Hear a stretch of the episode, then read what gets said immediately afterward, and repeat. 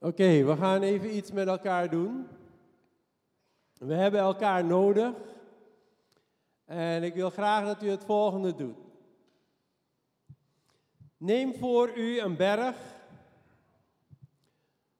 En het maakt me niet uit of het een puntige berg is, of een berg met een heleboel dingen, of het een hele lange berg is. Het maakt me helemaal niet uit. Noem het de berg van problemen. En het maakt niet uit of die berg uit het verleden is, uit het heden of in de toekomst. Heel simpel, als u bang bent voor de dood, neemt u dat als berg, dood, punt. En dan ga ik nu een tekst lezen en dan ga ik het uitleggen en dan ga ik die oefening doen met elkaar. Jezus zegt, kom van je plaats en stort je in de zee. Tegen die berg. Ik lees het iets meer. Als jullie geloven zonder te twijfelen, kun je zelfs tegen die berg zeggen: Kom van je plaats en stort je in zee en het zal gebeuren. Oké, dus ik wil even dat u echt in dat moment gaat. U ziet een berg, een berg van whatever, noem het problemen. En u ziet dat die berg zich verplaatst en weg is. En dat komt omdat u tegen die berg hebt gezegd, jij moet wijken. Ik ga het nu een beetje verder uitleggen. Het is een heel apart verhaal van de Heer Jezus. En het begint met de Heer Jezus die honger heeft. En als hij honger heeft en hij zoekt eten, dan is het eten er niet. Dit is even een sideline, maar het is even voor uzelf. Soms heeft u honger, soms wil u iets en het is er niet en u reageert negatief daarop. U begrijpt het. Ja? U heeft iets wat u graag wil eten, of u wil gewoon sowieso iets eten. U gaat er naartoe en het is er niet. Gaat naar de ijskast, maar uw man of vrouw of kind heeft net dat opgegeten wat u had. Mijn, een van mijn broers en mijn schoonzussen hadden een techniek. Ik weet niet of die zo waterdicht is, maar als wij vanuit Nederland chocolade stuurden naar Suriname, dan nam ieder zijn deel en als hamsters verborgen ze die. En de een verborg in de ijskast en de ander in de vriezer. Dus ja, weet je, het is niet echt ver weg. En dan namen ze een klein beetje en hoopten dat de ander het niet tegenkwam. Maar het gaat er even om, soms heb je honger, wil je iets? Het is er niet. Ik wil even dat u meegaat in dit verhaal en u aan de ene kant laat verbazen en aan de andere kant laat uitdagen. Gaat om Jezus toen hij vroeg in de morgen naar de stad, dat is Jeruzalem, terugkeerde, kreeg hij honger. Dus je bent op pad, je loopt een aantal kilometer, je bent vroeg vertrokken van huis. Misschien had hij nog niet gegeten, misschien was het eten net op, ik weet het niet, maar hij kreeg honger. Langs de weg zag hij een vijgenboom staan. Dus je hebt honger, je ziet iets en je denkt, daar is de oplossing. Hij liep er naartoe, maar er zaten alleen maar bladeren aan. Ik heb thuis een vijgenboom en ik denk, hoe zit dat precies? Van de verte kan je bepaalde vijgen niet 1, 2, 3 zien hangen blijkbaar. Maar je ziet die bladeren, je ziet het bladerendak, je denkt nu is het tijd rijp en je loopt er naartoe, toe, maar er is geen vijg. Dus je gaat niet kunnen eten. En ieder van ons zou zeggen, oké, jammer, we lopen door, we zoeken iets anders. En dan gebeurt er iets heel aparts, heel raars, heel bijzonders. Daarop zegt Jezus tegen de boom, nooit of te nimmer zul jij meer vrucht dragen. Een raar moment. De Heer zoekt eten, het is er niet en gelijk is er klaar. Einde vijgenboom. Er staat zelfs bij, ogenblikkelijk verdorde de vijgenboom. Die vijgenboom was onder de indruk van wat Jezus zei, zoep, klaar, einde. Dan komt de reactie van de leerlingen en de reactie van de leerlingen is precies hoe wij zouden reageren. Terwijl het Jezus niet gaat om wat hij net heeft gedaan, het gaat om iets diepers, iets verder, iets groters, iets meer. Dat gebeurt wel eens in ons leven, dat de Heer bezig is met iets en wij verwachten iets en wij denken dat de Heer die kant op wil, maar het is niet die kant op. De Heer wil iets anders aan ons duidelijk maken. En dat is in dit voorval. Want het ging helemaal niet om die vervloeking. Het ging helemaal niet omdat hij honger had. Het ging helemaal niet omdat de vijgenboom niks had. Het gaat om wat later is. Maar die reactie van de leerlingen is zoals wij zouden reageren. Toen de leerlingen dat zagen, vroegen ze zich verbaasd: hoe kan het dat die vijgenboom zo plotseling verdorde? Wij zouden ook naar elkaar kijken. Hé, hey, wat dan? Hoe kan dat? Ik denk dat we nog een stukje eerder zouden reageren en zeggen van... Oké, maar waarom is de Heer zo boos op een vijgenboom die geen vrucht heeft? Sorry, jij hebt honger, die vijgenboom heeft het niet. Het is niet die vijgenboom zijn probleem. Ik hoop dat u een beetje gaat doordenken op dit, op dit voorval. En zich gaat afvragen, wat is er zo raar en wat wil de Heer ons duidelijk maken? Dus we kunnen blijven hangen bij het voorval wat de Heer honger had. We kunnen blijven hangen bij het probleem dat er geen vijgen waren. We kunnen blijven hangen precies op dit moment dat de Heer zegt, er komt nooit meer iets aan je. We kunnen hangen op het moment dat het daadwerkelijk gebeurt en heel snel. En dat is eigenlijk waar die discipelen blijven hangen. Hoe kan het dat die vijgenboom zo plotseling verdorde? En denkt u dat de Heer Jezus hun een antwoord gaat geven op die vraag? En nou gaat de Heer Jezus hun tillen op het niveau waar Hij ze wil hebben.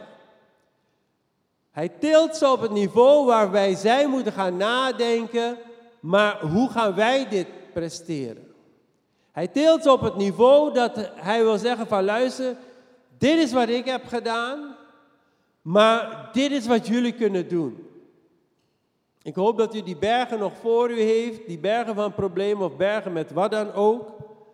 En Jezus antwoordde, ik verzeker jullie.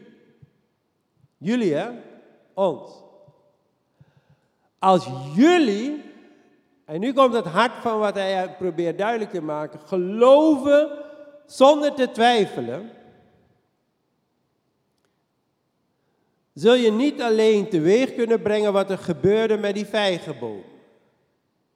En dat zou wel eens handig zijn, toch? Als u iets tegenkomt wat u niet bevalt, bam, verdor, klaar, woeps, er komt niks meer uit. Zou fantastisch zijn, toch? Als u een stukje criminaliteit tegenkomt, in de naam van Jezus verdor, broep, er komt niks meer. Het zou toch fantastisch zijn als u, ja, ik ga nu even een beetje te ver, als u een concurrent tegenkwam die heel veel winst maakt. In de naam van Jezus verdor, er komt geen wind. Nee, weet je, misschien gaan we helemaal verkeerd bezig zijn, maar ik hoop dat u proeft wat hier gaande is. Dat de Heer u uitdaagt op uw geloofsniveau.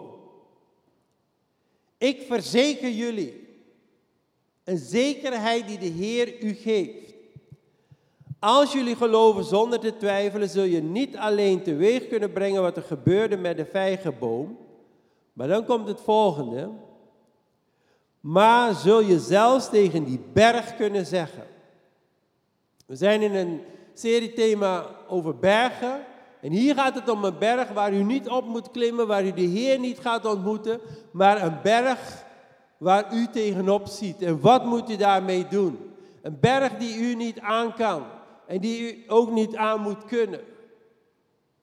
Wat moet u daarmee doen? En de Heer geeft u de sleutel voor die grote bergen in uw leven. Want ze kunnen groot zijn, ze kunnen klein zijn, ze kunnen irritant zijn, ze kunnen u laten struikelen, ze kunnen u imponeren. Maar het gaat om die bergen in uw leven. Wat gebeurt daar met uw geloofsleven? Want die bergen in ons leven maken dat wij achteruit gaan. Maken dat wij denken, ja, dit gaat niet lukken. Ik vond het fantastisch dat lied dat Heisen ons heeft aangeleerd. In dit huis, in dit huis, in dit huis thuis, in dit huis van de Heer hier, in dit huis van de Heer in de wereld. De broeders en zusters samen, of ze nu hier zijn, in Amerika, in Suriname, Curaçao, welk land dan ook.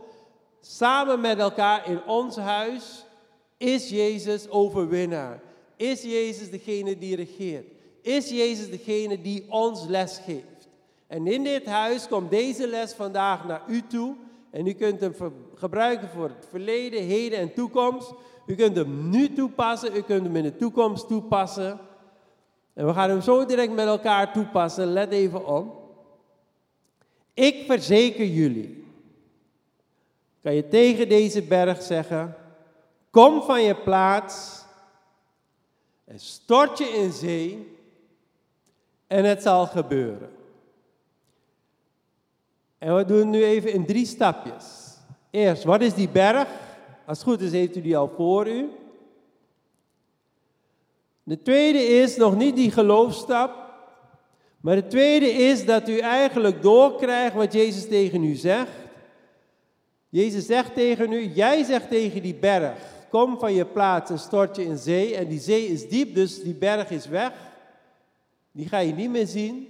Dat is wat de Heer u toe uitdaagt.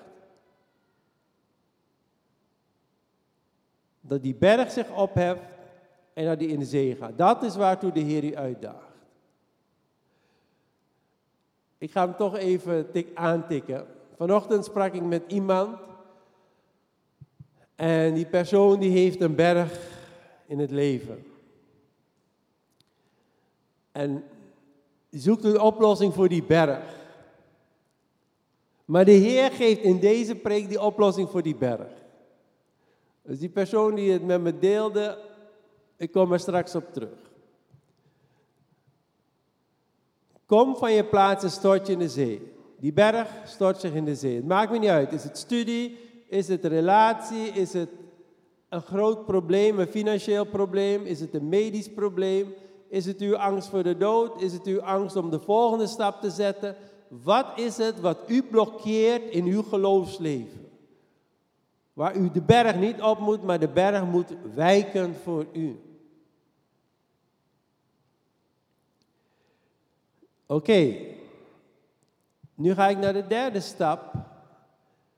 En de derde stap heeft te maken met uw geloofsleven. Jezus zegt, als je die berg ziet, kan je dit zeggen, als je niet twijfelt. Als jullie geloven zonder te twijfelen. Ik wil even een klein voorbeeld daarvan geven omdat dit heel lastig is om te pakken. Geloven zonder te twijfelen. Want er is altijd, er is altijd geloof. Maar het geloof kan zo klein zijn dat het maar 1% is en de twijfel 99%. Het geloof kan zo groot zijn dat het geloof 99% en de twijfel 1%. Maar als ik Jezus goed begrijp, zegt hij geloven zonder te twijfelen. En hoe doe je dat? We komen straks eventjes op. Maar dat is de voorwaarde. Geloven zonder te twijfelen. Jezus laat het zien. De discipelen laten het eigenlijk hier zien. Dit is wat Jezus ons leerde. En we gaan het straks even toepassen. En hij zegt dan, alles, want het gaat niet om die vijgenboom, het gaat niet om die berg. Alles waarom jullie in je gebeden vragen, zul je krijgen als je maar gelooft. Ik ga vandaag niet een heel preek over gebed houden, want er zijn allerlei andere aspecten van gebed, van naar de wil van God, etc. Maar ik wil even dit aantikken dat het Jezus er niet om gaat om die vijgenboom, niet om die berg, niet om die weg naar Jeruzalem, niet om die interactie met de discipelen van hoe is het met jullie, wat vinden jullie hiervan, zijn jullie geïmponeerd. Maar hij gaat er bij Jezus om van luister, straks ben ik er niet, maar ik wil jullie meegeven, alles waarom jullie in je gebeden vragen zult, zul je krijgen als je maar gelooft. En het probleem is dat we dit niet eens registreren, dat we dit niet eens oppakken, dat we dit niet eens tot ons laten doordringen, omdat we eigenlijk a priori van tevoren zeggen dat kan helemaal niet. Mijn gebedsleven laat zien dat het niet kan. Het gebedsleven van anderen laat zien dat het niet kan. Dat kan helemaal niet. Waarom staat het dan in de Bijbel? Waarom heeft de Heer het aan ons gegeven? Niet gewoon als leuk verhaaltje, niet gewoon als uitdaging om ons mentaal te kietelen. Hij heeft het gegeven, de Heer heeft het gegeven om ons geloofsleven op te bouwen. Alleen dit is een grote stap, maar je moet de kleine stap eerst maken. Ik geef een voorbeeld. Er was een hele gelovige man, George Muller. En hij moest in de 18e en 19e eeuw, ik weet niet precies, moest hij de oceaan over. En zijn vrouw, die, kon, die had een beetje last van de rug en zo. En die zou het niet kunnen, goed kunnen redden, de oceaan over. Zomaar, ze had een schommelstoel nodig. Als mij niet vergis, ging het om George Muller. En hij had de Heer gebeden om een schommelstoel, dat die op de boot zou zijn. En die schommelstoel moest weet ik veel van waar komen. En George Muller zegt van nee, die schommelstoel komt, die komt op tijd en we gaan op tijd vertrekken. Maar twee dagen van tevoren was het er niet, een dag van tevoren was het er niet, op de dag van vertrek was het er niet, een uur voor vertrek was het er niet. En mensen begonnen al te kijken, nee, we zullen een andere schommelstoel voor je halen. Dan, hij zegt, nee, die schommelstoel komt. En vlak voordat die boot vertrok, was die schommelstoel er. Ze konden het op het dek zetten en zijn vrouw kon erop gaan zitten.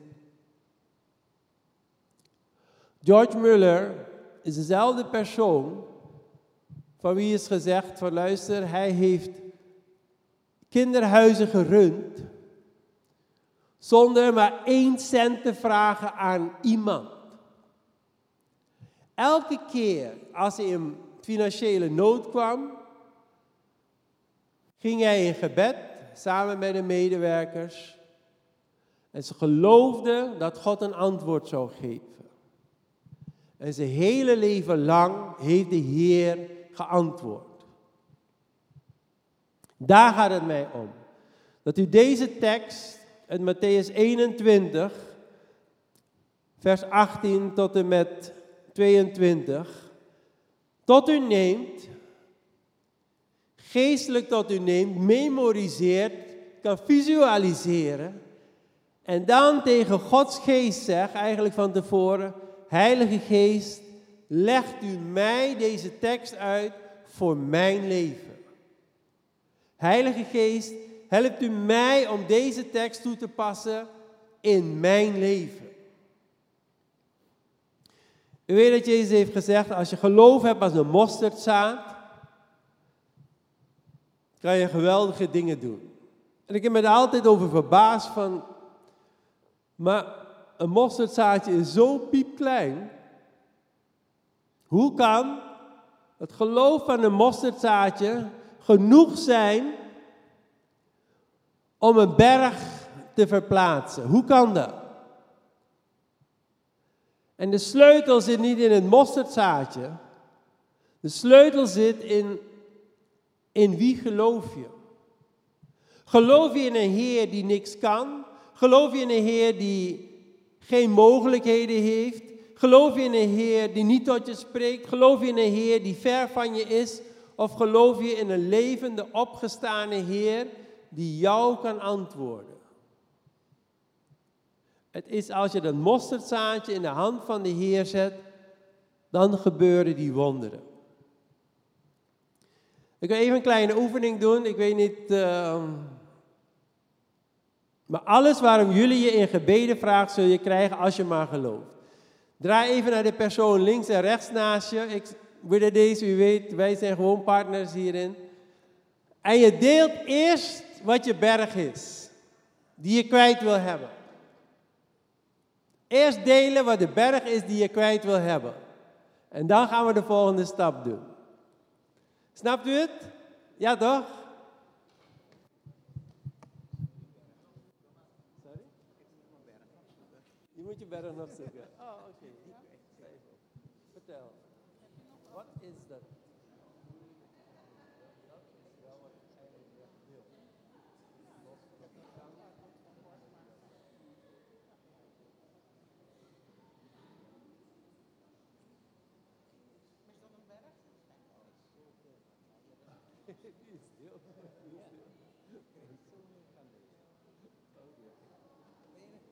Even op een.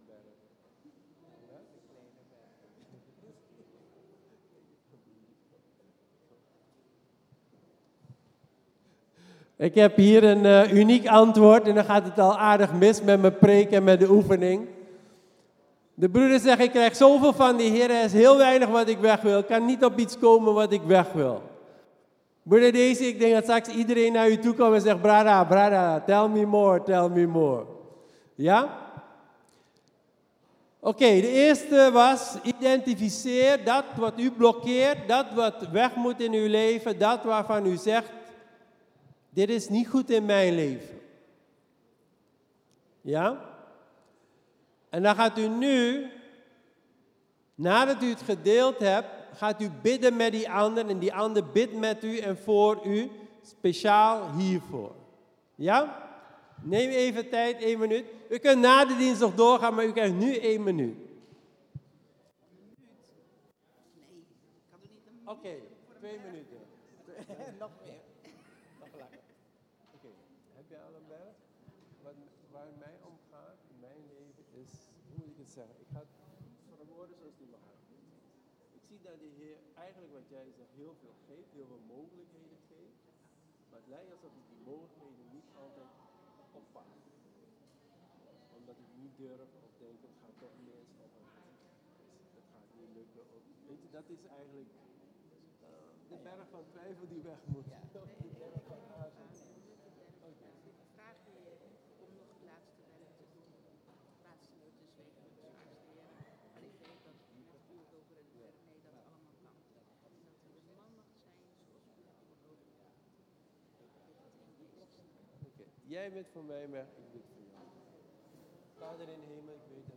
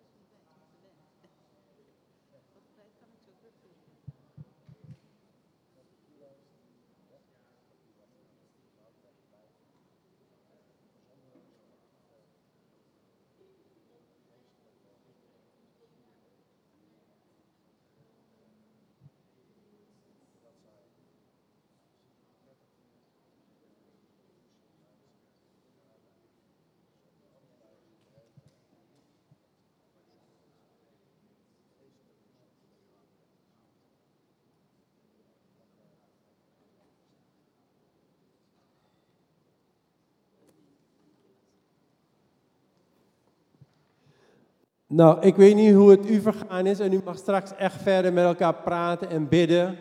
En als je zegt, hé, hey, dit moet ik vaker doen, moeder en dochter praten en bidden, prima. Moeder en dochter daar praten en bidden. Anderen die met elkaar praten en bidden. Weet je, het is fantastisch dat de Heer ons geestelijke banden met elkaar geeft. Maar ik vond het fantastisch om het gebed van mijn broeder voor mij te horen. Ik had iets gedeeld maar hij ging bidden en hij raakte nog meer aan en specifieker aan wat ik niet eens had genoemd, maar wat wel in me leeft. En ik dacht, hé hey, Heer, u ziet, u ziet het, u tikt het aan en u gaat het verhoren. Ik heb ook voor hem gebeden en ik weet zeker dat die Heer gaat antwoorden. Mag ik even handen zien van mensen die zeggen, hé, hey, dit was zinvol? De mensen die nog geen handen hebben opgestoken, mogen na de dienst naar mij komen. Lieve mensen, zullen we gaan staan met elkaar? Want u heeft zelf net ervaren wat het is als iemand anders voor u bidt. voor datgene wat in uw leven een probleem is. En ik wil graag dat u nu denkt aan mensen om u heen. Het maakt me niet uit wie, waarvan u weet dat zij een probleem hebben. Het maakt me niet uit of het groot of klein is, of het gaat om een land of om een persoon, of het gaat om uw buurman, buurvrouw, of het gaat om een bedrijf. Maar breng die berg nu voor de Heer. Neem één minuut omdat dat Gods geest in uw hart gaat werken, om u te laten zien waar u voor mag bidden op dit moment.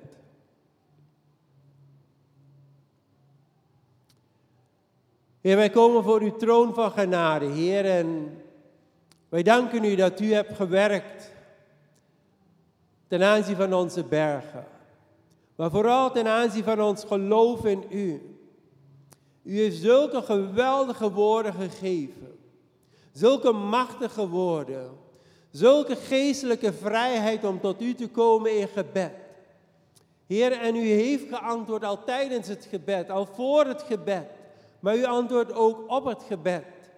En zo komen wij voor uw troon, Heer, met al deze bergen die wij zien in de levens van mensen, organisaties, landen om ons heen. Waar mensen eigenlijk denken van niks kan, niks lukt, niks. Ik heb honger, maar ik krijg geen eten. Ik heb problemen, maar ze worden niet opgelost. Er is dood en verderf, maar ik kom niet uit de puinhopen. Heer, ik kom voor uw troon, Heer, met alles wat speelt. Wat wij hier voor u willen brengen, Heer. We komen voor uw troon, Heer, met grote dingen die spelen. We willen u vragen om met uw geest daar te werken, om met uw geest, Heer, oplossing te geven. Om met uw geest eenheid te geven, om met uw geest ondersteuning te geven. Om met uw geest de, het cynisme te doorbreken, Heer. Het sarcasme te doorbreken, Heer en de geloofsvrijheid en de geloofsblijmoedigheid en de geloofsantwoord te laten stromen, zodat wij met elkaar uitbreken in een lofprijs voor u volgende week zondag. In Jezus' naam. Amen.